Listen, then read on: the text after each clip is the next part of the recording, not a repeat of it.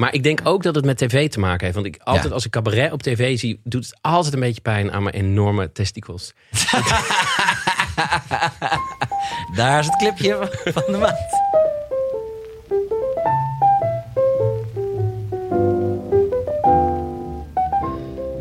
Ja, lieve mensen en welkom bij een nieuwe aflevering van Pep Talk met Pepijn Schoneveld. Mijn naam is Pepijn Schoneveld en dit is de podcast Pep Talk.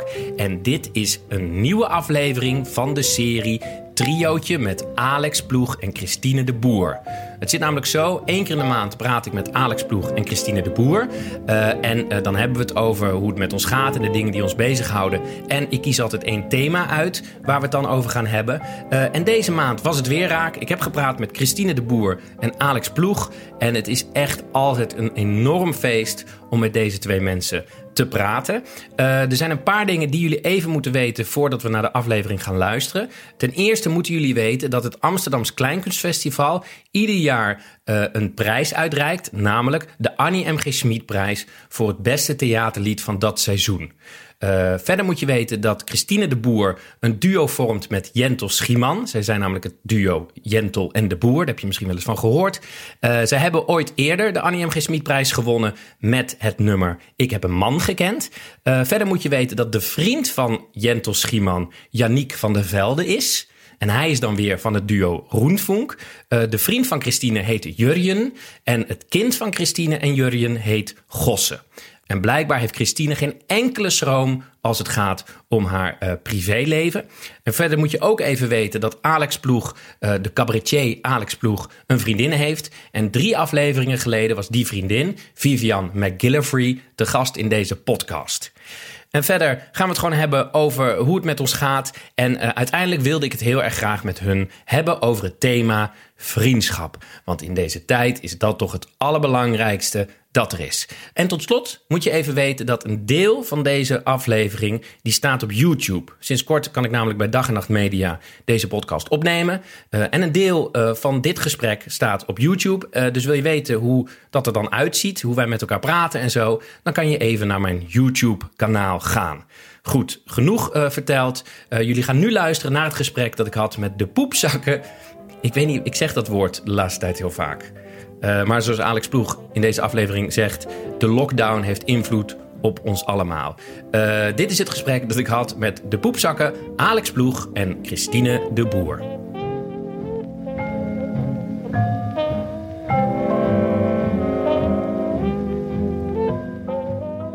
Oké, okay, hallo, hoe is het? Hallo. Wie begint? Goed, uh, ik heb een prijs gewonnen afgelopen maand. Jullie hebben me nog niet gefeliciteerd. Dus Gefeliciteerd met je dankjewel, prijs. Dankjewel, Dit is zo'n, uh, wat was het ook alweer? Annie M. G. Schmid prijs voor het beste theaterlied van het afgelopen seizoen. Wat goed, gefeliciteerd. Hadden jullie er moeite mee? Waren jullie jaloers? Ik, ik, ik nee. Dat ik hem weer niet, er niet mee bezig ik voelde niks. Dat ik hem weer niet heb gewonnen? ik voelde helemaal niks. Nee, dat weet Dacht ik. je niet al, dat wilde ik sowieso vragen. Dacht je niet al, wij gaan hem sowieso winnen? Nee, helemaal Nee, niet. maar dat, zeg je, dat zegt iedereen. Nee, dat is echt waar. Want er waren meerdere aanwijzingen dat we hem niet gingen winnen. Onder andere dat, uh, dat het, de organisatie... Kijk, er zou een Zoom-meeting zijn... waarin dan bekendgemaakt werd wie, wie gewonnen had. En toen had de organisatie de dag ervoor of zo al gemaild van... diezelfde dag na de Zoom-meeting... Uh, speelt de winnaar live bij op één het winnende nummer. Terwijl wij kunnen niet met z'n tweeën dat lied spelen. Dus dan moesten we nog een pianist inwerken. En we hadden Ja. al aangegeven dat kunnen we helemaal niet. Dus toen wij die mail kregen, wisten we eigenlijk zeker dat we niet gingen winnen. Maar toen gebeurde het volgende. Ik heb het gehoord volgens mij. Ik oh niet. ja? Nou, Jurjen, hè? Jurjen. Nee, ja, nee, Oh. nee. Maar eerst onze, onze manager Fleur, die eh, dus Jentel sms'te in het groepje met Fleur van nou, volgens mij gaan we niet winnen, want die winnaar die gaat s'avonds bij op één. En toen sms'te Fleur terug, nee, dan denk ik ook niet dat jullie gaan winnen, want ik denk dat de winnaar het dan al lang weet. En toen dacht ik, ja, zie je wel, kut, kut. En toen zei Jentel, dit vind ik een beetje out of character voor Fleur om zoiets Hmm. te appen, want eigenlijk was Want zij wist het natuurlijk al lang. Zij bleek het dus al te weten, maar dat wisten wij toen nog niet. Oh. Dus wij dachten toen, nou, het zal sowieso. En toen ben ik heel erg op het gedrag van Jurjen gaan letten. en toen dacht, want ik dacht De namelijk, als Fleur het weet, dan weet Jurjen het ook. En toen heeft Jurjen een paar kleine fouten gemaakt die ik wel opgepikt heb. Zoals bijvoorbeeld dat De hij hele zei. liedjes van Annie M. G. Schmid zingen nee, in het huis? Nee, Ik hele, wil niet meer, ik wil niet meer, ik wil geen handjes geven. De, de, de, nee, hele kleine de dingen. schoot zoals of hoe heet dat ding, zo afstoffen. De, de, De, de schouw. Schouw. Ach, Echt Nou, jammer. Het is een leuke Ja. grap geweest als je uit je woorden Als was je, gekomen. als je meer het, het oeuvre van... Nee, maar bijvoorbeeld, hij zei opeens: zei die, Zal ik morgenochtend eh gossen eh, doen? Dan kan jij lekker uitslapen, want misschien wordt het een spannende Doet dag. hij nooit. Heeft hij nog nooit aangeboden. Zo'n kind hebben. En gewoon hele kleine dingetjes. Dat hij de hele tijd. Hij vindt het heel leuk om dan te fantaseren over wie er gaat winnen. Sowieso vond ik dat irritant, want hij ging dus de hele tijd fantaseren over dat anderen gingen winnen. Terwijl ik dat dacht, ja, je moet, als jij niet eens achter mij staat, dan Ja. eh, wie dan wel. Maar hij ging dan eens, ja, het zou heel goed kunnen wel dat even van manen. Ja, ik denk eigenlijk wel even van manen. Weet je zo. En opeens, een week ervoor ongeveer, stopte hij daarmee. Dus Ah. met terugwerkende kracht vond ik dat gek. Maar ehm, op de hij, dag eh, zelf- hij moest het, waarom moest hij het weten? Om, omdat er eh, die hele dag eh, mijn kindje eh, opgepast moet worden. Want het was mijn mamadag. Oh. Dus er moest oppas zijn. Dus, Hoe wist dus- op één dit? Nee, niet op één, de organisatie. Journalisten. Ja, maar op één- maar het ging journalisten. maar ik snap het niet. Nee, waarom wist kijk, Jurjen het? Het Amsterdams Kleinkunstfestival wist dat wij gingen winnen. En Ja. die hebben dus eh, Fleur ingelicht. En Fleur heeft op haar beurt weer uh, heeft gezegd, mama, da- dan heeft ze de mamadag. ingelicht. Ja. Ja, precies. En toen, eh, en toen, eh, toen heeft Fleur heeft Jurjen en Yannick ingelicht van... hey, kan je oppas regelen voor die kindjes? Maar Yannick die moest naar het buitenland. Dus die, die had het best makkelijk. Die heeft gewoon zo gezegd... tuurlijk gaan jullie winnen. Succes, doei. Dus die was weg. Dus ik ging ook nog Jentel sms'en van... Jurjen gedraagt zich verdacht. Hoe is het met Yannick?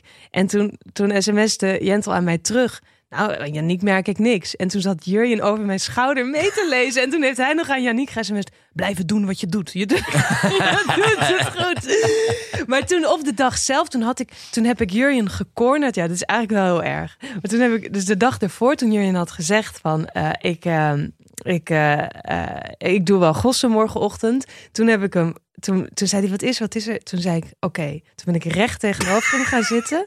Zei ik, kijk, kijk me aan. Ik denk dat jij weet dat we de Annie M. G. Schmid-prijs gaan winnen. Heel gemeen. En zei zo, waarom denk je dat? Hij, hij heeft het supergoed gedaan, maar hij deed het te goed. Waardoor ik het ook weer verdacht. Want ik zei zo, ik denk om die en die reden. Je zei over gossen. Ik wilde het gewoon weten. Maar, Maar hij heeft niks losgelaten. Maar ik ging ook zo een soort van zo lachen. En kijken of hij dan mee ging lachen. En toen ging hij niet meelachen. Juist een beetje zo met bibberende wangen zo niet lachen. Waardoor ik wel dacht Oh. dat, hij, dat hij het wist. Maar toen, nog, ik ben bijna klaar met dit verhaal. Ik snap dat jullie ook denken van nou, hou op over je prijs. Want de volgende ochtend, dus de dag van de uitreiking. Om Ja. 12 uur zou die uitreiking zijn. Toen zei, vroeg ik aan Jurjen weer zo, keek hem recht en zo en zei... Ben je zenuwachtig voor vandaag? Toen- en toen zei hij, ja, want ik ben heel bang dat als het slecht nieuws is... dat jij dan heel verdrietig en teleurgesteld Oh. bent... en dat ik dan niet zo goed weet hoe ik daarmee om moet gaan.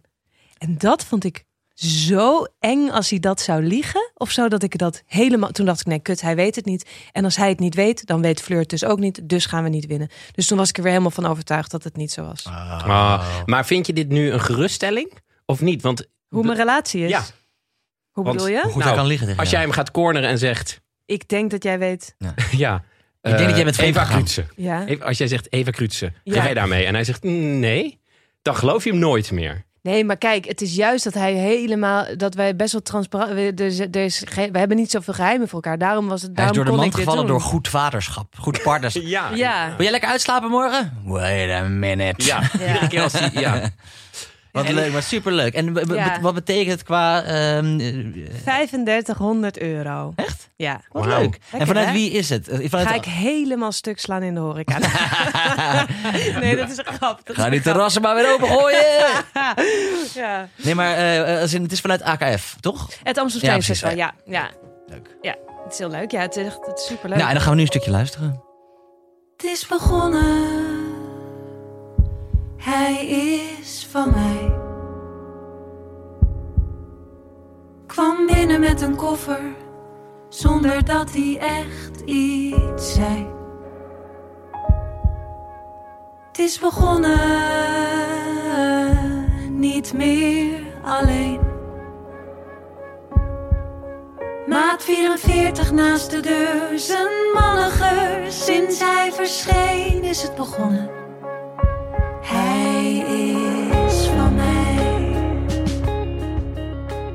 Het is begonnen. Mooi. Hoe, eh, hoe hebben jullie dit nummer... Nou, ik wilde wel weten, hoe hebben jullie dit nummer geschreven? Want het, het, het is een vervolg op een bestaand Op kleinkunst over. classic. Een classic. De grote kleinkunst grote classic. classic. Het Ja. is over. Ehm, en eh, daar hebben we dan zeg maar een verhaal wat daarna komt. Dat gaat over de. Het is Ja, je bent, je bent nu met eh, diegene. Ja, het is over gaat over een man die bij zijn vrouw weggaat. En dat is vanuit die vrouw gezongen. Die zegt: Ga maar, ik hoef je niet meer. Eh, en ze zegt tegen de jongere minnares waar hij naartoe gaat: Je mag hem hebben met al zijn vervelende dingen. En doordat ze heel erg zo zingt over wat er allemaal zo vervelend aan hem is, voel je eigenlijk heel erg dat ze heel veel van hem houdt. Mm.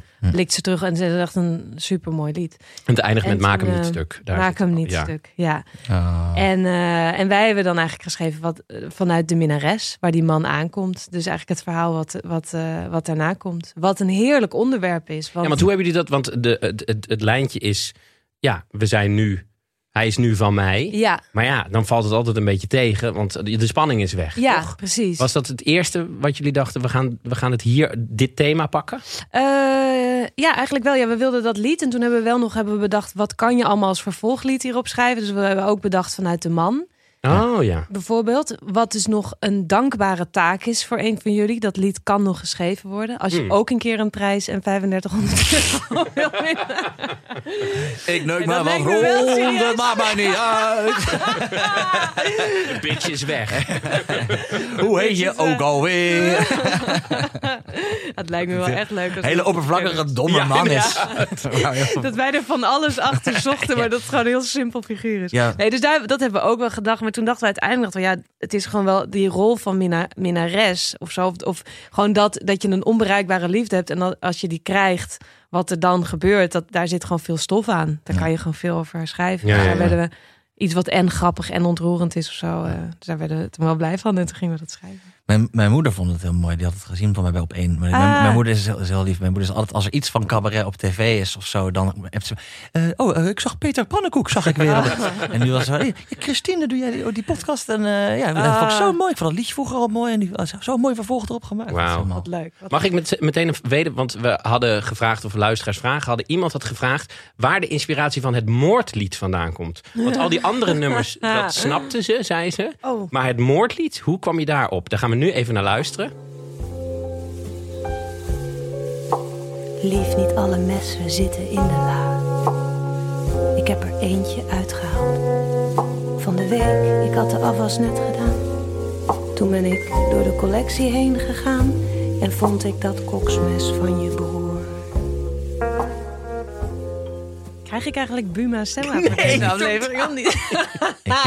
Ik ken geloof ik het moordlied niet. het is een nummer over een man Ja. die zijn vrouw wil vermoorden. Of een Nee, vrouw die een zijn... vrouw. Ja, dus het is eigenlijk. Ik zing het en het gaat over een vrouw die, die zich zo gruwelijk verveelt. In, en, en alles in haar leven is zo saai en elke dag hetzelfde. Dat ze uiteindelijk besluit haar man neer te steken. Omdat ze gewoon helemaal gek wordt van hoe hij elke dag hetzelfde doet.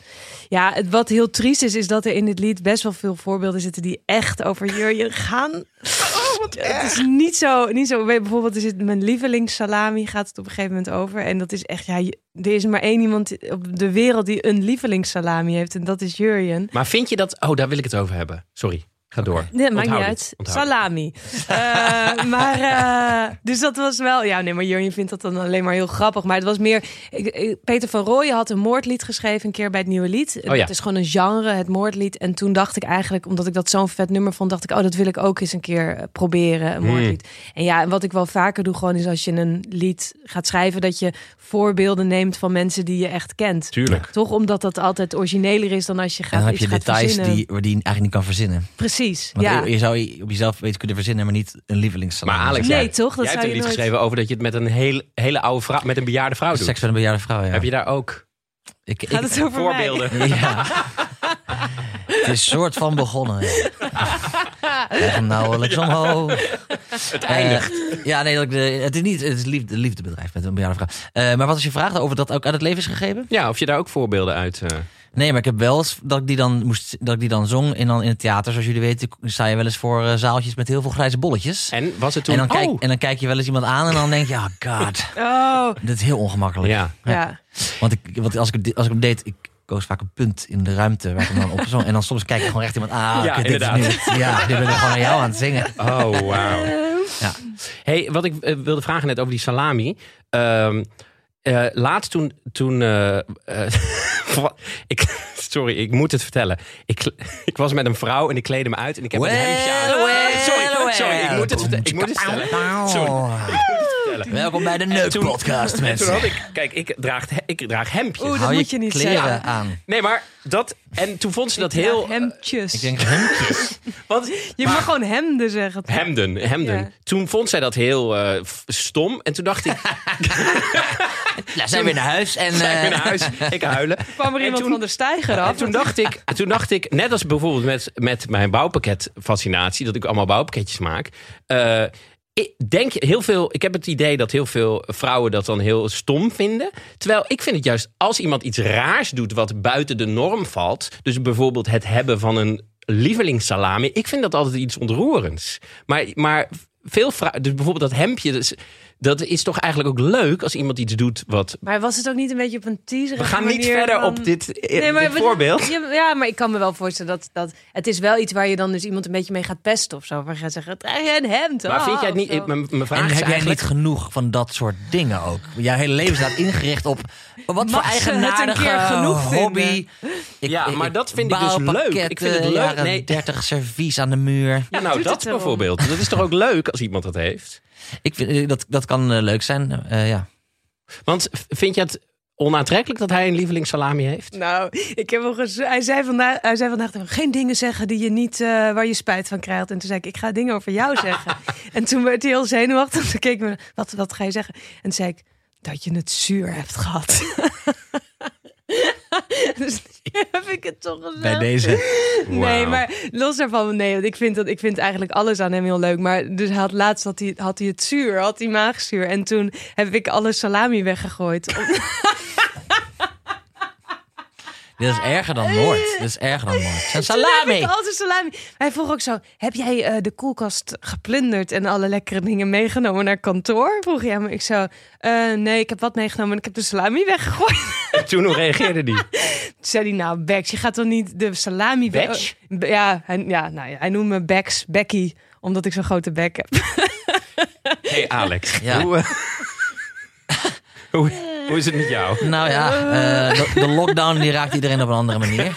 Eh, het, gaat, het gaat goed. Het gaat, Mooi. eh, het gaat goed. Eh, geen salami in huis. op het moment. Heb jij iets, heb jij iets eh, wat jouw vriendin en ontroerend vindt, maar ook een beetje sneu? Mijn carrière? Mooi antwoord. Ja, vast wel. Maar ik vind het niet aan mij om te zeggen. Als mensen dat willen horen, dan moeten ze luisteren naar een podcast. eh, twee podcasten geleden. Dat is waar. Eh, Ja, weten de mensen dat? dat, dat of is het, nou, we hebben het daar expres... Jawel, jawel, je wordt genoemd. Het is genoemd. Oh, wel? Ja. Oh. Vivian MacGyver is jouw vriendin. Ik kan Oh, nog dat steeds haar ik vond het een leuke podcast. Ehm, Maar eh, ja, eigenaar, ja, ik heb vast wel. Natuurlijk heb ik eigenaar. En het- ik denk dat het ontroerend is dat jij dan degene bent die dat weet over die persoon. Is dat het niet? hoe bedoel je? Nou, dat van die dingen zijn. Oh, ik weet hoe jij eh, altijd, eh, weet ik veel, eh, je, je kleren opvouwt. Nee, ik kan, ik kan niks bedenken. Zie je, vind ik al salami. Dat Nou, je niet. hobby's. hobby's. Stel je voor, je hebt iemand die, die op frisbee les zit. Ja. Vind je, zou je dat dan... Stel je voor, Vive heeft een, gaat dat doen of had, deed dat toen jullie elkaar leren kennen. Had je dat iets ontroerends gevonden of iets... Is neurderigheid... Snap je? ik, ik wat vind, ik, nou, ik, vind, ik het sowieso interessant als iemand, als iemand gewoon zijn eigen eh, ding heeft en daar gewoon een passie voor heeft. En dat, dat vind ik zeker, zeker tof, ja. En frisbee specifiek. ik vind frisbee een cultuur waar ik af en toe van denk, ja, ik, ken, ik heb daar eens iemand gekend die in de ultimate frisbee scene zat. Hmm. Dat is echt een scene. Nee, joh. Ja, Ultimate Frisbee, dat is zo'n wedstrijd. Hè? Dat is zeg maar dat je dan met een team, als een soort voetbalmatch, Oh. heb je een team en dan moet je overgooien, mag je bepaalde richtingen op. En, de, en dat is heel, eh, maar die doen dan heel cool van, ik heb dan een wedstrijd en dan gaan we naar de, de, de Europese finale. En dan denk ik, ja, je bent ook gewoon aan het frisbee. Ja. Maar ik denk Maar dat wat, het, wat het aantrekkelijk maakt en wat het leuk maakt, is dat iemand gepassioneerd is over Ja. iets. En het maakt niet Ja. uit wat dat En dan is. Of dat salami Zoals is. jij of over je. Zoals jij over je hemd. Jij staat echt, ja, je stond le- le- vrij letterlijk in je hemd. Ik stond letterlijk in mijn hemd. Maar vind jij het bij vrouwen leuk als ze iets... Een hemd iets dragen? eh, Ja, juist. Want ja. ik, ik vind Had het juist... zij... oh, je wil het niet meer Nee, daar gaan we niet over hebben. Nee. Maar eh, eh, ik vind het juist leuk. Ja, ja, ja, ja. ja. Als, als Dus iemand... luisteraars met eigenaardigheden mogen wel... eh jou wel... Nou, als het, als het wel... Als het wel eh, ik vind het wel leuk als diegene het ook weet. Dus, dus ehm, En mis- Misschien is het ding iets wat je doet, is misschien anders iets dan wat je draagt. Omdat Ja, kleding ook een soort Het van. is, Is, eh, dat- het wel Ja. sexy? Het hemdje is niet een goed voorbeeld. Het is een beetje een- draag je een hemd? Eh, dat is, nou, dat is eh, schoner, toch? Want dan, dan, dan kan je je overhemden heel lang dragen en je was je. Sorry, dat is een grap. Eh, Heel ja, veel dat een is hemd, prettiger. hemd kan alleen als je zeg maar echt van die arm, van die spierbalarmen hebt. Ja, maar niet als je hem onder een t-shirt doet of onder een blouse doet, zoals een overhemd doet, zoals Pepijn. Ik bijvoorbeeld vooral acteur. Ik weet niet dat vooral acteurs hemden. De, in mijn Zo, leven. ja, echt, de hè? mensen die ik ken die eh, hoge hemden droegen, broek en een waren, act- waren acteurs altijd. Is dat zo? Ja, Hemden een en, hoge en, broek en, en een en hemd, ja. ongestreken kleding. Dat is echt een acteerwereldding om te laten zien ik ben artistiek. Ja. Ongestreken overhemden en verwarde haren. Oh. Maar dan wel dat je die hemden, zeg maar dat het overhemd zo laag uit is gekleed, of dus zo ver. Ja, dat je ziet dat er een dat hemd je ziet zit. dat het hemd. Daarover gesproken he- hebben. Sponsor vandaag is... Nee. ik heb, ik heb eh, toevallig, want je had het over gespierde mannen. Ik heb mijn testosteron eh, levels Oh? Ja? laten testen. Oh? Hier komt Wat even, dan ga ik even naar de jingle. Ballen-update. De ballen van mijn been. Hoe gaat het er deze week mee? Ja. Eén wijntje. Ehm, Yes. Nog mijn, mijn, mijn testosteron level is Thuis acht- al drie wijn. mijn testosteron level is 830. Nice, dude. Wat denken jullie dat zeg maar eh, maximaal is? Of gemiddeld, sorry. 3000. Nou, 600. ik ging nog raden. Oh, sorry. 600? Weer een prijs. Ik heb een veel te hoog testosterongehalte. 830? Te hoog. Nou ja, 830 en het hoort 600 te zijn. Ja, maar dat zag ik ook wel hoor. Ik zag jou wel echt een soort van Joegoslaaf worden langzaam. Nou, en ik had dus mijn internist aan de telefoon. En die zei, vrouw. ja. met hemdjes. En de internist zei, je moet eh, minderen, want het is te veel. En ik reageerde als een verslaafde. Ik zei, oh echt? Moet dat? Oh ja. Want ik voel me zo lekker. Toen zei ze, ja, eh, wat merk je dan? Ik zei, ja, ik kan gewoon met sporten mee met de boys. Oh. Zei ze. Ah. En toen zei ze, ja, we moeten ervoor zorgen dat, eh, dat je op een level komt, wat zeg maar, dat je nog steeds, en toen zei ze, mee kan met de boys. oh, wat lief. Eh, maar dat je niet, want dat eh, schijnt wel zo te zijn, dat als je testosteron te hoog is, wordt je bloed te dik. Dus dan krijg je bloedproppen. Ai, ai. Dus, dus Ai, ai. mijn vraag aan jullie is, stel je voor, je, Alex, je kan kiezen of super gespierd, eh, mee met de boys. eh, maar bloedproppen? Maar bloedproppen op lange termijn, hè? Op lange termijn. Ja. Dus in de toekomst. Of iets minder testosteron, maar wel langer leven. Ja, die laatste, sowieso. Ja? Ja, Maar ik heb, ik heb ook geen ambitie om mee te gaan met de boys. Welke boys zijn dit? ik ben geen boys boy. Gewoon in de Ik, sportschool. ik ben die gast die l- langsloopt en denkt, wat de fuck zijn die boys aan het doen? Dat is, dat is wie Maar je mag ben. toch wel nog een beetje gebruiken? Het is niet dat je... Ja, nee, wat, wat zij ook. Ja, het moet gewoon iets naar beneden. Ja. Wat ook interessant was. eh, ik zeg dit ook omdat iemand die vraag stelde over de testosteron. Dat het schijnt dus zo te zijn dat testosteron. Eh, heeft ook te maken met of je je lekker voelt. Dus of je eh, tegen depressie en zo. Ah. Daarom voel ik me zo goed. Ja. Eh, en toen zei de internist, die zei... Dat vond ik wel interessant. Die zei, als mensen heel erg depressief zijn... dan maken ze vaak minder testosteron aan. Dan kunnen we ze testosteron geven... waardoor ze zi- zich wat beter gaan voelen. Alleen is het zo, bij testosteron en zo... dat als je... Doe je nou ballen uitbeelden? Hij zag inderdaad voor de luisteraars alsof hij iets aan het melken was. Nee, ik deed, ik, deed- ik deed zeg maar de... Een heel klein dat? uiertje. Ik deed zeg maar de...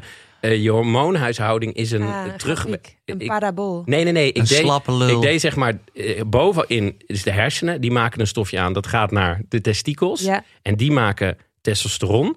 En, en testosteron zegt tegen de hersenen: maak minder van hormonen die zeggen: maak Ja, testosteron ja. aan. Dus een negatieve terugwerkingssysteem. Dus als je mannen gewoon testosteron van buiten gaat geven, dan stopt, stoppen je hersenen met het maken van dat hormoon. Ja. Dus op een gegeven moment, als je ermee stopt, word je weer heel erg depressief. Want dan weten die hersenen niet meer hoe ze dat moeten maken. Oh. Dus dat, En als jij zegt meegaan met de boys. Ja. Welke boys? Want ik, en ik weet, eh, jouw social media volgend. Enige wat ik heb zien doen is Jeu de Boele. Nee, Dus is dat meegaan met de boys? nee wat, ik bedoel, het, boys? is, het was spreekwoordelijk meegaan met de boy. Ja. Het was, wat ik ermee bedoelde, is dat ik... Voelde je fit, je voelde je Fit. sterk. Ja, dus bij het, bij het boksen, wat jij ook doet, merk ik, Ik dat, ik vooral tegen mijn gehaardheid. Maar ja, ga door. dat ik, dat ik eh, zeg maar, eh, niet keihard, ke- keihard sta te hijgen als de trainer zegt, eh, dit was het. Ja, ja. En dat, dat er dan jongens naast me staan en me aankijken van wat... Dat, dat heb ik niet meer. Dus je kan, dat bedoel ik met mee met de boys. Ja, precies. Ja, ja. Dat is grappig. Ik, zit, ik vind dat ik vind fana- fanatiek. Fana, fanati- fanatisme Fanatisme. vind ik heel interessant. Want ik heb altijd het gevoel dat. Ik snap fanatieke mensen nooit helemaal. Nee. En zij mij nooit helemaal. Maar ik weet namelijk nooit. Dat is een soort namelijk feedback loop. Ik, ik merk dat met bijvoorbeeld. ehm, ehm, ja, met, eh, met, met, met, Onze gemeenschappelijke... met Petertje, Petertje Pannenkoek, die is Petertje natuurlijk best wel fanatiek. En eh, ik was best op vakantie en dan wil hij met een bal gaan overgooien. Als een, als een hond. en ik wil dan gewoon een boek lezen. en, eh, maar Hoe dan, vergooi je met een bal, echt? dan heeft hij zo'n klein balletje, dan ga je in het water. Weet je, zo, Nou, zo, zo, zo, zo, die kan oh, ja, stuiteren ja. of zo. Ik bedoel, ik vind Ja, dat even ja. leuk, maar ik vind het dan gewoon leuk om met een bal over te gooien. Maar hij wil er meteen een soort ding van maken. En als Ja, ik dan ja. een fout bega, Mhm. dan is het zo... Oh, jezus. Ja. En dan is het meteen, dan ben ik gefaald als man. Ja, ja, ja, ja. Terwijl ik denk, maar dit, dan is ik vind het ook niet leuk als dat een optie is in het spel. Dat mijn mannelijkheid in twijfel gaat worden getrokken. Inderdaad, ja. En hij ziet mijn gebrek aan fanatisme als, ja, maar dat is puur omdat je bang bent om te verliezen. Terwijl het, Ja, maar het is ook leuk, want hij heeft jou ook als vriend uitgezocht. Hè? Dus hij heeft ook. ja, omdat hij er makkelijk van kan winnen. Gebrek aan beter ook wel hoor, denk ik. Ik denk dat hij het dus ergens heel leuk vindt dat hij dus jou altijd in kan maken met spelletjes. Ja, maar daarom heeft, hij, hem- daarom heeft hij hem uitgekozen. Hij kiest, al, jong- hij kiest mensen uit die niet mee kunnen met de boys. ja, precies. Zodat Dus ben- hij mee kan met de boys. Ja. Omdat hij. Nou, is het niet hetzelfde als met... Wat? Omdat hij... Ik sla maar. Nee. Eh, is het niet hetzelfde als dat mensen die heel fanatiek zijn in spelletjes... Oh, dat is eigenlijk hetzelfde natuurlijk. Ja. Dan, daarvan vind ik altijd... Dan ga je een spelletje doen met iemand die fanatiek is. Ik niet. En vervolgens, als diegene wint, gaat diegene heel blij zijn. Waardoor ik me een loser voel. Mhm. Terwijl, ik, ik heb dat fanatiek... Dus je moet je verhouden Ja. met iemand Ja. die fanatiek is. Maar dat of als zij verliezen, ja. worden ze heel relaxed. En gaan ze heel erg op de regeltjes. Nee, nee, nee, nee, nee, nee. En dan denk ik maar Ja. dat is niet waarom ik überhaupt aan dit spel meedoe. Dat Nee. is echt een andere insteek. Ik noemde, die- mijn- mijn beste vriend en ik noemen ze altijd eh, lintjespikkers. Het zijn bepaalde eh, type mens. Maar vooral meisjes vroeger, toen je jong was. Als je op een verjaardagsfeestje was. Als, als, echt als klein kind. En dat er een speurtocht was uitgezet. met lintjes. ja. Dat je bepaalde soort type kinderen die dan vooruit gingen rennen. En alle lintjes dan gingen zoeken. Zodat zij als eerste al de Ah. lintjes hadden. Ja, Ja. ja. En dan had de rest geen lintjes gevonden. En dan hadden zij- gewoon het gevoel, ja, ik heb nu gewoon gewonnen. Dat ik wel lintjes. Ja, Ja, ja, maar jij bent gewoon vooruit. Wij hadden ook vooruit kunnen rennen. Maar dan. En Ja, eigenlijk is dat een aanklacht tegen kapitalisme. ja, ja. En hij neemt nog een slok van de hele dure wijn. Maar Sorry, wat wil je eh, nee, niks. Ik wou zeggen dat ik ook best fanatiek ben met spelletjes bijvoorbeeld. Maar dat ik dus vaak achterkom dat ik vrienden heb.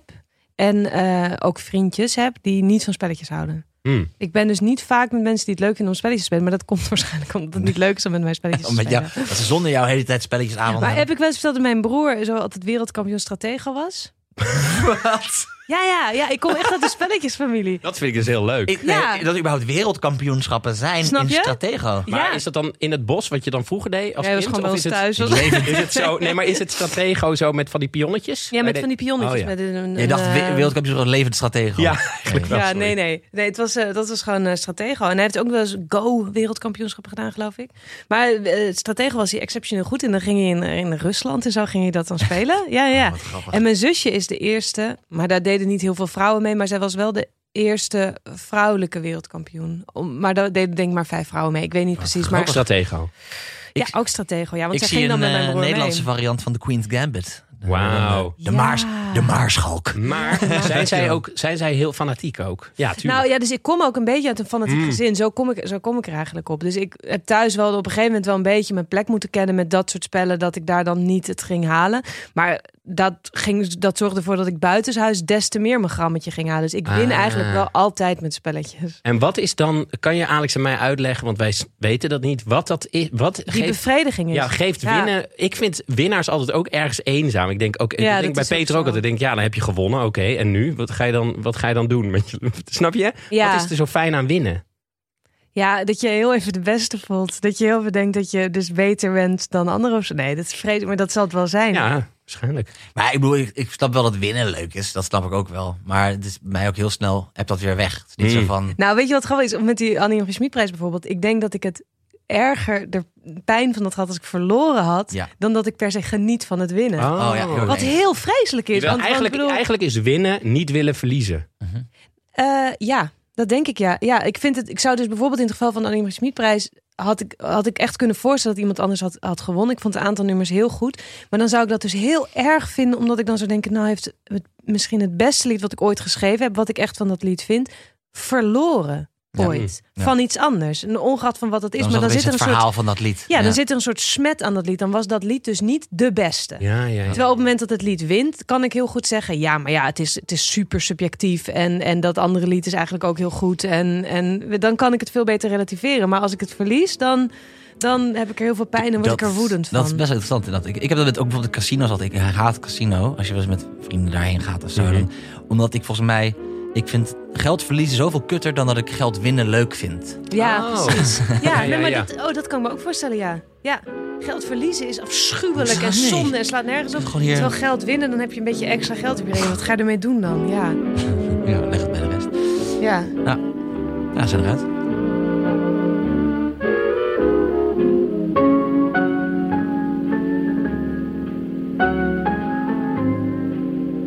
Ja, lieve mensen. En dan is het nu even tijd om het met jullie te hebben over the monies, eh d'argent, het geld, de keiharde knaken.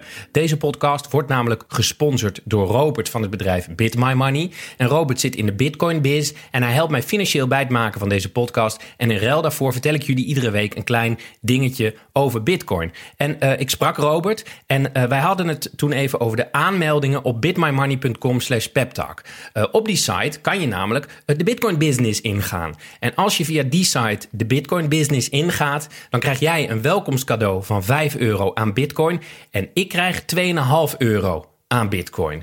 Dus dat is, ja, als je de Bitcoin business ingaat, dan moet je dat zeker daar doen. Maar ja, in mijn hoogmoed en testosteronpiek waar ik nu in zit, 830 hè mensen, 830, eh, zei ik tegen Robert wedden dat er deze week 100 nieuwe aanmeldingen bijkomen. Dus ik heb hem gewoon uitgedaagd.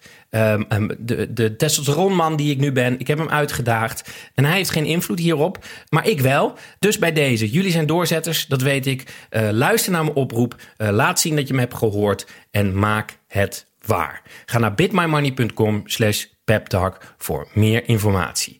En ik wil jullie ook nog even zeggen dat je eh, de podcast kan volgen op Instagram. En dat kan op podcast.peptalk. En dan gaan we nu door met het gesprek dat ik had met de twee poepzakken, Christine en Alex.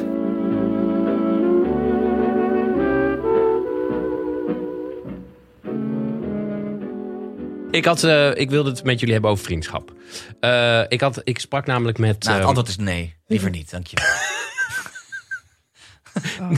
Het, het, eh, ik had het met Malou Holshuizen over. eh, die heb ik oh, twee jaar geleden leren kennen. Best, eh, toen was ik 34, best laat. Een hele goede vriendin geworden. Eh, ik vroeg me af: hebben jullie, Schubruitje.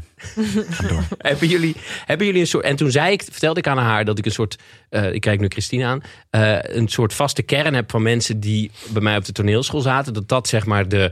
de eh, zo Janneke, nou ja, je kent ze. Eh, omdat je die het beste kent. Dat dat een soort, bijna een soort familie is. En daaromheen heb je zo eh, mensen die steeds veranderen. Hebben jullie dat ook? Heb jij, eh, Christine, heb jij... Ja, je keek Alex aan die meteen weer zijn nooit op de toneelschool aangenomen trau- trauma herbeleefde. Dit, hadden, me- dit had mijn vriendengroep kunnen zijn.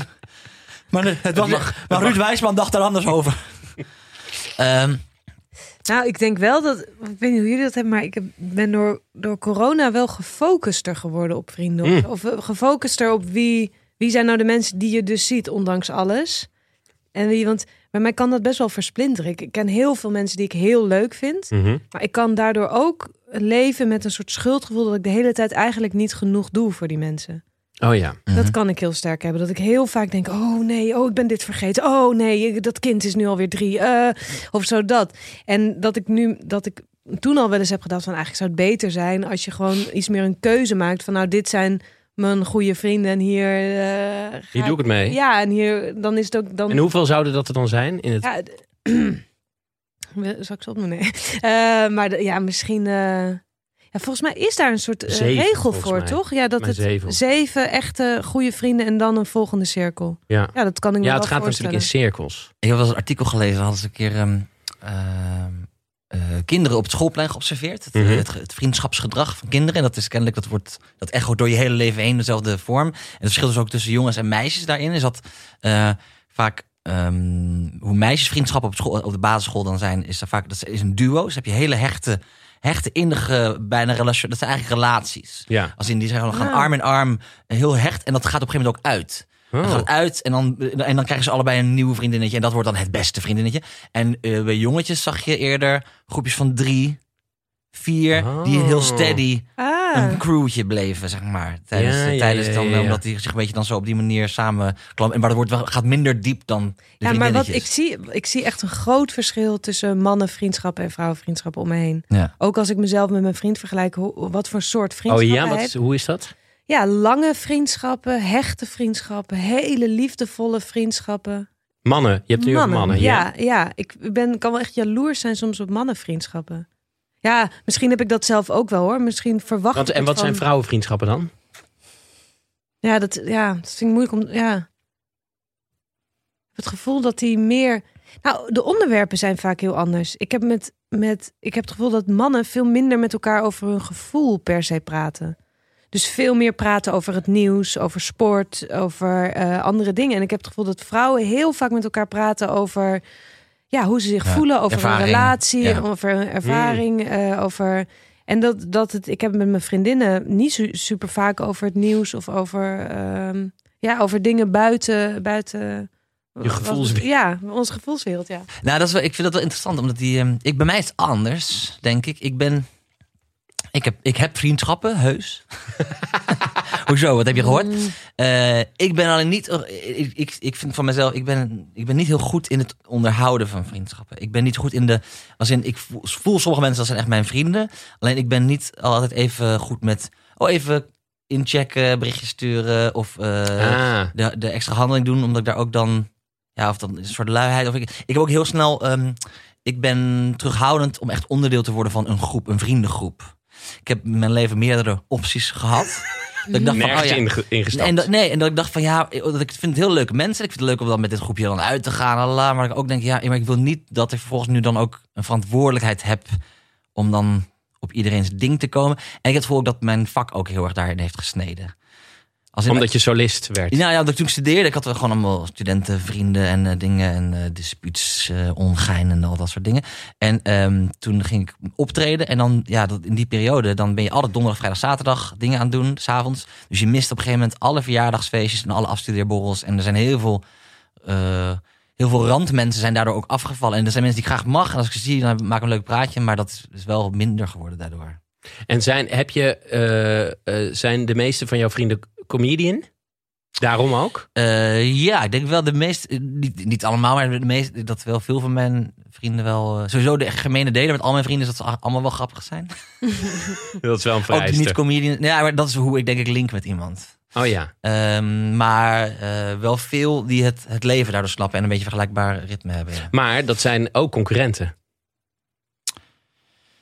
ja is. Ja. Ja. zie je dat zo? Ik zie dat minder. Nou, ik kan me voorstellen nu dat- minder dan vroeger.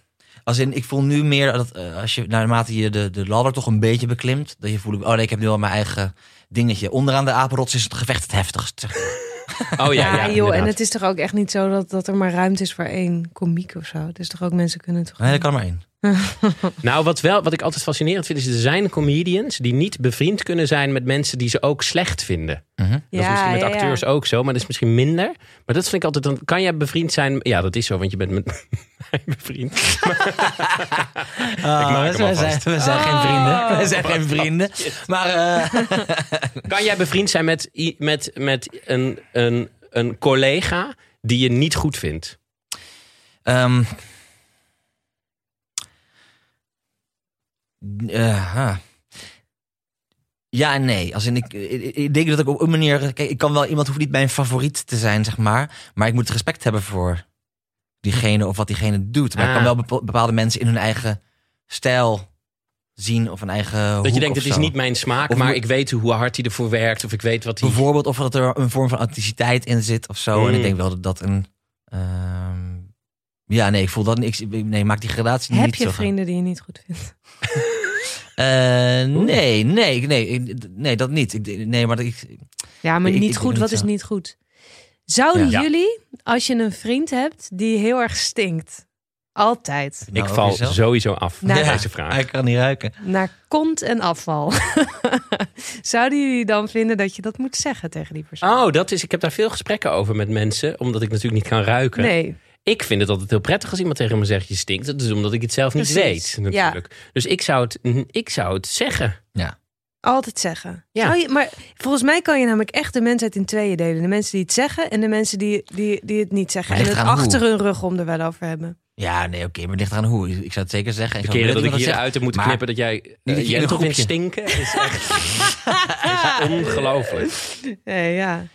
Als je moet niet en plein publiek zijn, zeg maar. Dus je moet even apart. Maar zou je dat wel doen? Iemand apart nemen? Ja. Ja? Een goede vriend wel, ja. Ja, een goede vriend, ja. Ja, precies. Maar anders is het ook een beetje raar natuurlijk. Chris, zijn jij en Jentel vrienden? Ja. Beste, denk ik. Oh, ja? Wel. Ja, ja. En, en samenwerken? Ja, maar ja, da- daardoor, ja, beste. Ja, god, eh, dat, dat hoeft ook niet. Dat vind ik eigenlijk ook altijd heel stom om iets beste vrienden te Mhm. noemen of zo. Maar, maar ik denk wel dat, ja, ja, misschien juist wel. Ja, ik weet, ja, we hebben zoveel met elkaar meegemaakt en zij kent zo alle randjes van mijn karakter en en alle, al mijn moeilijkheden en eh, ook mijn kracht en ja, als er iets is met mij of zo en ik uit dat tegen haar, dan, dan kan zij, en Jurjen trouwens hoor, dat Mhm. is natuurlijk ook wel echt een soort beste vriend. Ehm, maar die, die kunnen dan heel goed de vinger erop leggen. eh, ja, dat ik steeds in dezelfde valkuil trap. Of steeds, ja, dat, dat, en ik vind dat wel een teken van soort heel intens vriendschap. En daarbij kan ik gewoon heel erg met haar lachen. En ja, weet ik veel. Ja, en ook nog door die kinderen is het nog meer geworden. Ja, ja, dat ja. als ik dan een vrije dag heb en ik zit met Oh ja, want jullie hebben dan, allebei tegelijk een baby gekregen. Hè? dan eh, wil ik het Wist liefst je dat, haar, Alex? We bij hebben alle, allebei tegelijk een baby gekregen. Oh, dus twee baby's en, twee eh, prijzen. eh, haar, haar eh, vriend eh, dat is ook een goede vriend van mij geworden. Daar ben ik ook super dol op. Dus dat maakt het dan denk ik nog meer dat je dan gewoon ja, op je vrije dagen ook lekker dan Heb je thuis, veel thuis gaat. vrienden verloren ook? Ik heb eh, twee vrienden verloren. Aan aids. Aan aids, ja. nee, ik- weet nog de jaren tachtig, de AIDS-epidemie. Alle gay vrienden. Nee, eh, ik heb eh, één keer het uitgemaakt met een vriend. Nadat mijn vader overleden was. Dat is, ik weet niet of jullie dat weten. Maar, en die, ehm, eh, daar heb ik echt gezegd, laten we maar niet meer met elkaar omgaan. Wauw. En, en was daar een specifieke aanleiding? Was ja, er dat liep al niet zo lekker. En toen overleed mijn vader. En toen had ik hem niet uitgenodigd op de begrafenis. Niet eens aan hem gedacht hebbende, zeg maar. Want Ja. verder was iedereen er. Christine heeft gezongen. Eh, en ehm, Het is begonnen. nee, nee, ze zong... Ze zong Het moordlied. eh, De vader van Pepijn, ik heb hem doodgemaakt. Zo echt. hè, Van alle mag ik, die mag ik dan bij jou even gezongen? Ja, Ah, en, Anne. En met eh, eh, eh, Elise Schaap, de, eh, de bokser. de bokser. Dat lied kan ik niet luisteren. En heeft toen ook We, Elise- we hebben het net even voor je voorbereid, eh, Dat komt. Alex. Eh, maar... ehm, wat heeft Elise Schaap ook nog een aantal typetjes gedaan van tv-kantine. ja, we hebben, ons- we hebben ons bescheurd. Het was een hele revue.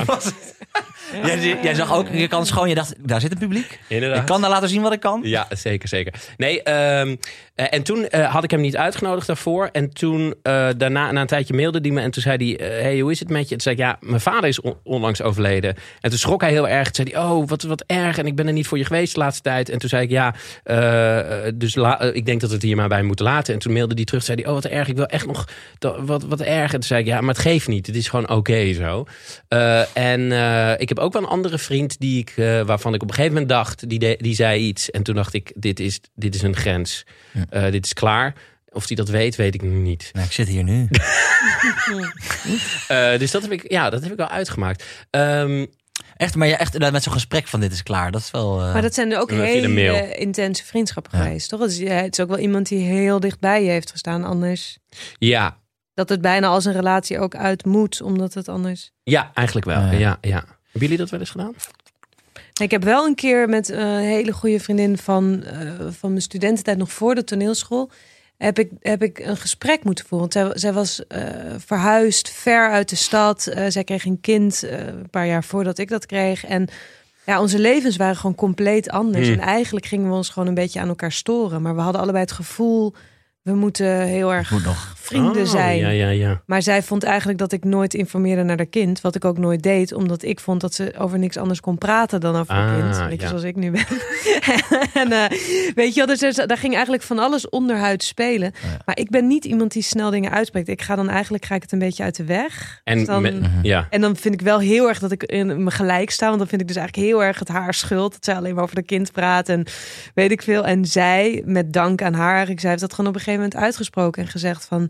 Luister, ik heb het gevoel dat we eigenlijk helemaal niet meer zulke goede vrienden zijn. Dat vind ik heel erg en dat vind ik heel jammer. En we moeten daarover hebben. En we kunnen ook tegen elkaar zeggen, we laten elkaar gaan. Maar, eh, En toen hebben we een heel goed gesprek gehad daarover. En nu hebben we eigenlijk gewoon met elkaar afgesproken... we hoeven niet alles in elkaars leven te weten... Maar we willen allebei dat we er altijd wel zijn voor elkaar uiteindelijk. En nu hebben we een hele goede vriendschap. Ah, waarbij we inderdaad soms elkaar... Uh, zit een lied in, ja. waarbij we elkaar makkelijk twee maanden niet spreken. En, en, eh, maar dat we nooit meer met een schuldgevoel zitten. Denken jullie ook dat... Daar hadden Malou en ik het ook over dat nu... Het is wel goed. Ik denk ook soms kan het goed zijn om bepaalde vriendschappen te laten gaan. Omdat je soms ook. Ze kunnen- Tegenhouden, Ze ja. kunnen je tegenhouden of ze kunnen jou. Soms heb je ook vriendschappen die niet onaardige mensen zijn, maar die jou een bepaalde versie van jezelf houden. Gevoelsmatig Ja. als je bij hen bent. Waarvan denkt van ja, maar dat is gewoon niet meer wie ik wil zijn. Of Ja. wie ik ben. In mijn, en dat is gewoon. Je Het is altijd ook moeilijk als je, uit een, als je in een overgangsfase zit in je leven. Ja. Eh, dan de vrienden die bij die oude fase horen, die behandelen je nog zoals je was in Ja. die vorige fase. En daar gaat het vaak. Ja. Ja, en daarom gaat het met kinderen ook- vaak mis, Christine. Ja, nee, precies. Maar ja, zij is inderdaad ook een vriendin van, van een vorige fase. Van heel erg iemand met wie ik heel veel op pad ging en Ja. uitging en veel drinken en zo. En ja, toen, toen die fases niet meer gelijk liepen, dan, dan moet je echt of een nieuwe vriendschap ontdekken of elkaar laten gaan. Ja.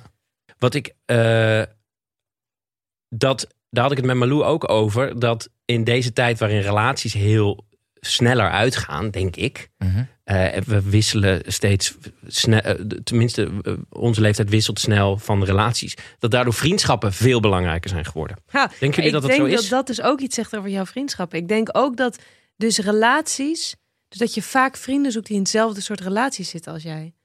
Ik merk dat vaak bijvoorbeeld vrijgezelle vrienden van mij Ja. ervan uitgaan.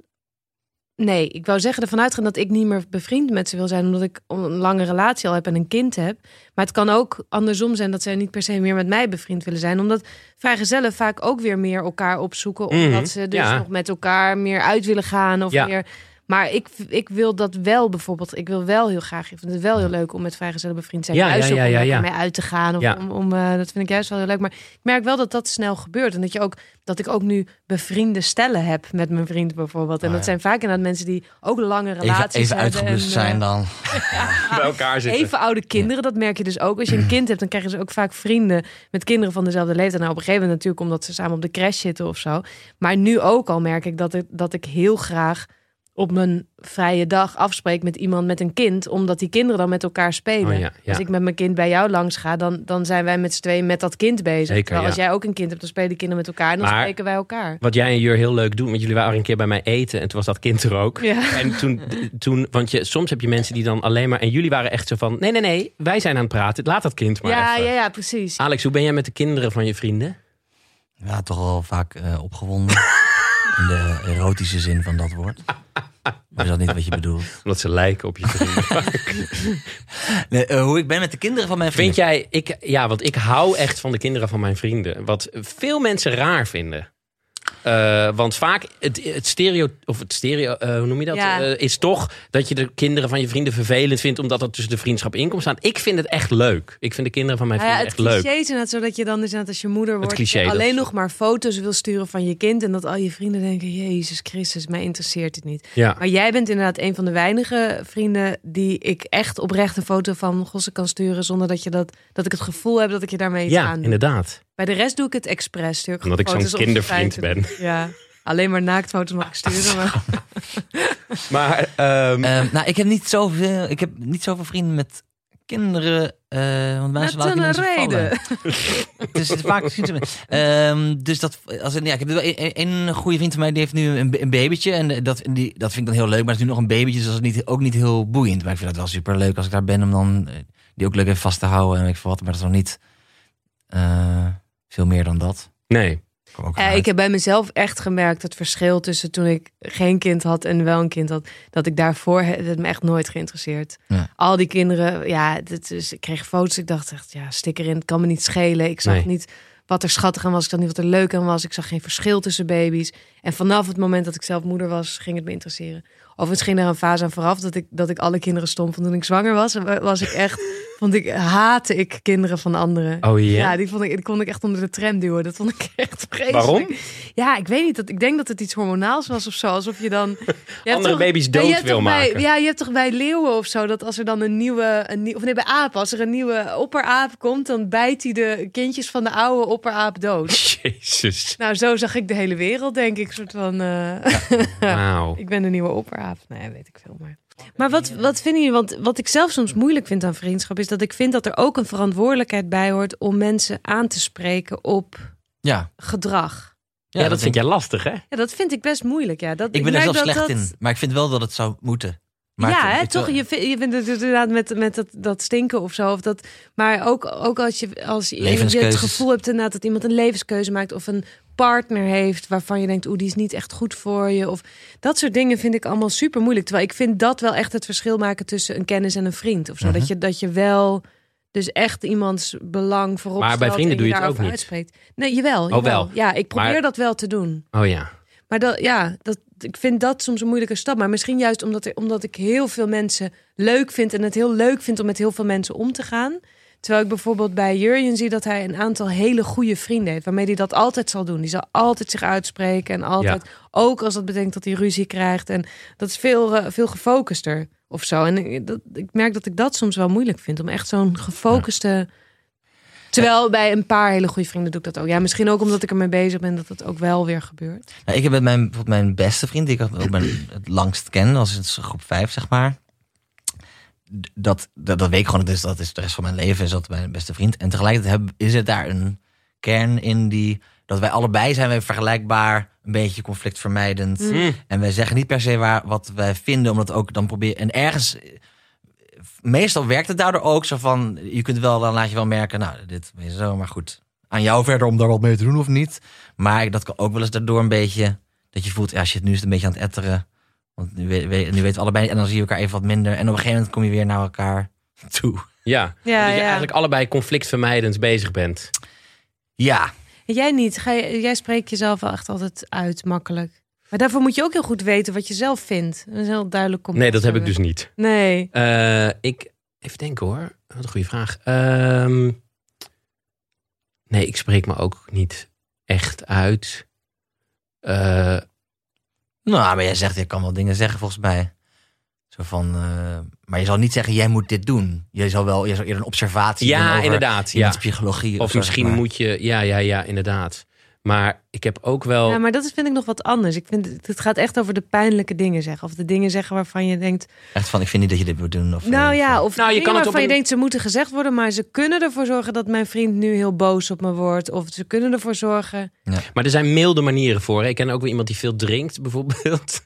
En dan... En ik dan, zit hier en ik heb het naar mijn zin. Laat en dan, en, dan in, en dan in plaats van dat ik zeg, ik vind dat je te veel drinkt, als zij dan zegt, Ik zit hier! Als zij dan zegt, weet je dat ik, ik heb daar niet geen sweetprijs gewonnen, lul. dan, dan, als zij dan zegt in een Brabants accent, eh, ik drink even drie dagen niet, dan zeg ik, ik, Pepijn! echt, ik ga echt minder drinken. Dan zeg ik, heel goed, eh, want dat is je probleem. Of zo. Dus, en, en dan moet zij lachen, want we weten. Dus er zijn wel mildere terwijl die wijn inschenkt. Er zijn ook milde. Je kan het ook op subtiele. Ja, maar het niet is een, gaan het is en een zeggen. verschil met dat zij dat dan niet van zichzelf zou weten. En dat jij op een gegeven moment denkt... je hoort via via van Ja. een aantal mensen die zeggen... hey, Dat is waar. eh, Beppie is nou al eh, twee keer dronken hier aankomen zetten. En jij denkt, oeh, dit is mijn vriend. En wat Ja, erg. ja, en zij ja, heeft dat ja. zelf niet door. En je moet dat gesprek gaan voeren. En zij zegt zelf tegen je, maar ik drink helemaal niet te veel. Terwijl jij weet dat het zo is. Dan en moet die je echt anderen gaan ook. zitten en zeggen. Nou, ja. dat soort gesprekken aangaan. nou, Zonder daarbij dan te doen van, oh, het maakt allemaal niet uit. En haha, en er een grapje van te maken. ja. Nou ja die, ja, die heb ik ook wel eens met een, dat, dat je zeg maar, eh, iemand die te veel ook wat een beetje, het is te hard party soms. En dat Oh, je, ja, en dat, ja. Maar dat ook dat ik, dat ik dan wel het gevoel heb van, oké, dat, dat kan ik dan neerleggen en zeggen van, ja, ik heb dat soort gevoel. Maar als diegene daar dan tegen ingaat, dan denk ik ook, ja, oké, dan is het niet nu mijn... Dan heb ik nu een soort keuze tussen die vriend te zijn die altijd dan... Dan voelt hij zich beoordeeld door mij. Ja, ja, ja. En dan, en, dan, en dan weet ik, dan gaat hij mij eigenlijk een beetje uit zijn leven snijden. Omdat hij ja, denkt, ja. die, die Ja, bevestigt die- mijn gedrag... waar misschien wel eigenlijk stiekem van weet dat het niet helemaal oké is. Maar goed, dat is gewoon even de fase waar ik in zit. Ja, ja, ja. Dus ik, dat ik, had ik ook, ik heb wel eens met een vriend gedaan dat ik zei van... hey, eh, ik voel wel eens dit en dat. Weet gewoon, ik ben er. En ik ga er verder het er niet over hebben. tenzij- En hoe reageerde Peter daar toen op? Nee, ik, ik mis hem wel. ik mis hem wel in mijn leven, ja. Het grootste taboe is natuurlijk... bemoei je je met de opvoeding van het kind van je Oh. vrienden. Nee, natuurlijk niet. Toch? Nou ja, dat hangt er dus vanaf of je zelf een kind hebt. Oké. En daar dus ook de hele tijd mee geconfronteerd wordt. Diezelfde persoon waar ik het net over had, daarom moest ik eraan denken, die, die eh, heeft wel eens tegen mij gezegd, die voedt eh, co-ouderschap. En die heeft echt wel eens tegen mij gezegd, Pepijn, als je vindt dat ik iets verkeerd doe met mijn kind, wil je dat dan alsjeblieft zeggen? Want ik heb daar heel veel aan. Mm. Maar dan toch is het heel moeilijk om daar iets over te zeggen. Ja, maar het is, ik vind het sowieso heel moeilijk hoor, om eh, van buitenaf te oordelen. Kijk, wij hebben, wij hebben bijvoorbeeld een super makkelijk kind dat heel goed eet en heel goed slaapt.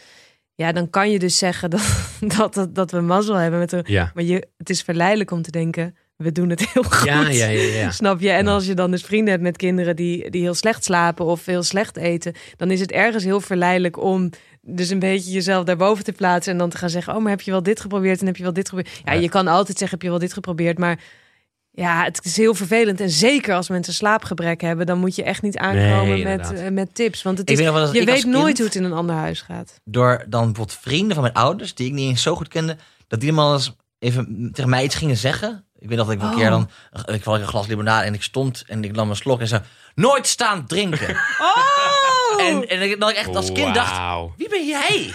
Ja. Jij bepaalt niet of ik, als ik dit hele glas de vloer wil smijten, doe ik dat. Maar waarom mag je niet staan te drinken? Weet ik niet zo. Ik weet nog steeds niet, maar ik denk er nog, denk ik één Ja, per denk je nog vaak aan. Denk ik aan die gast die, waar Ja. mijn ouders al, al meer dan een decennium niet mee omgaan volgens mij. Gebroken dat, hebben. dat hij ooit zei tegen mij toen ik zeven was of zo: niet staan drinken. En trek je broek uit! Stop je lul terug in je broek. Oh, wauw. Eh, tot slot, jullie hebben allebei een relatie. Dat Ja. is Ah. dat. eh, Christine heeft al gezegd. Christine heeft al gezegd. Jurjen is ook een goede vriend. Is ook je beste vriend? Of hoe, hoe, Ja, een van mijn beste vrienden. Ja, ja. En hoe is dat bij jou, Alex? Ja, ik denk het wel. Dus de ik denk dat het juist de basis was. Ik denk Vriendschap. dat- ja, omdat het juist. eh, ja, omdat De seks er niet van kwam. Nee, ja, dat nog steeds niet. Any day now. Any day now, we wonen een jaar samen. Zij zegt dat het binnenkort misschien wel eens zou gaan, gaan gebeuren. Zij zegt als de horeca open gaat. En dan, maar we mogen nooit de persconferentie kijken. inderdaad. Het zou toch 21, Ja, 21 mei? Nee, 28 zij zegt Alex. als ik ben gevaccineerd, maar ze, ze Ja. maakt er geen afspraak over. Ik weet niet. Nee, ehm, nee zeker. Ik denk juist de ba- als in, ik, Ja, is de ik ben- ik ben, ik ben basis dol op haar, maar, de, maar het feit dat eh, hoeveel wij kunnen praten en lachen, dat, dat maakt dat het langduriger ook is, zal zijn dan puur de verliefdheid bijvoorbeeld. Nou ja, ze zegt toch altijd wel eens dat je bij je vrienden... Je kan, dat heb ik natuurlijk ook wel, dat je bepaalde... Je, je vriendschappen dekken bepaalde eigenschappen van je. Ja. Eh, Ik dek, En- mijn, ik dek mijn vrienden niet meer. Nee, ik bedoel, ik wist dat je die goed ging. Maar, eh, de- zeg maar, die, die, eh, die cover, coveren dat. Ja. Eh, en je relatie is, als het goed is, op al die vlakken een beetje. Mhm. Is dat zo? Ja, denk Hé, ik wel. ik snap je vraag niet. Nou, dat, ze zeggen wel eens dat, zeg maar, je hebt één vriend waar je heel goed mee kan lachen. Je hebt een andere Ja, vriend waar je oh, heel ja, ja, ja. Die goed mee kan praten. Ja. Dus, dus al je vrienden dekken een bepaalde Eén vriend eigenschap. waar je anale seks mee mag hebben. En, eh, en dat je relatie, als het goed is, dat allemaal een beetje heeft. ja, dat vind ik een, toch een rare theorie hoor. Weet ik niet. Oh, ik heb ook vaak gehoord van, van mensen verwachten te veel van die Dat ene relatie. En Toch? dan haal je dat uit vrienden. Ja, dat mensen zeggen van je moet niet de hele tijd verwachten dat en je partner een, eh, je beste vriend is en je sekspartner is en de vader van je kind is. Mhm, En mhm. dat- je moet dat wat meer spreiden of zo. Ja.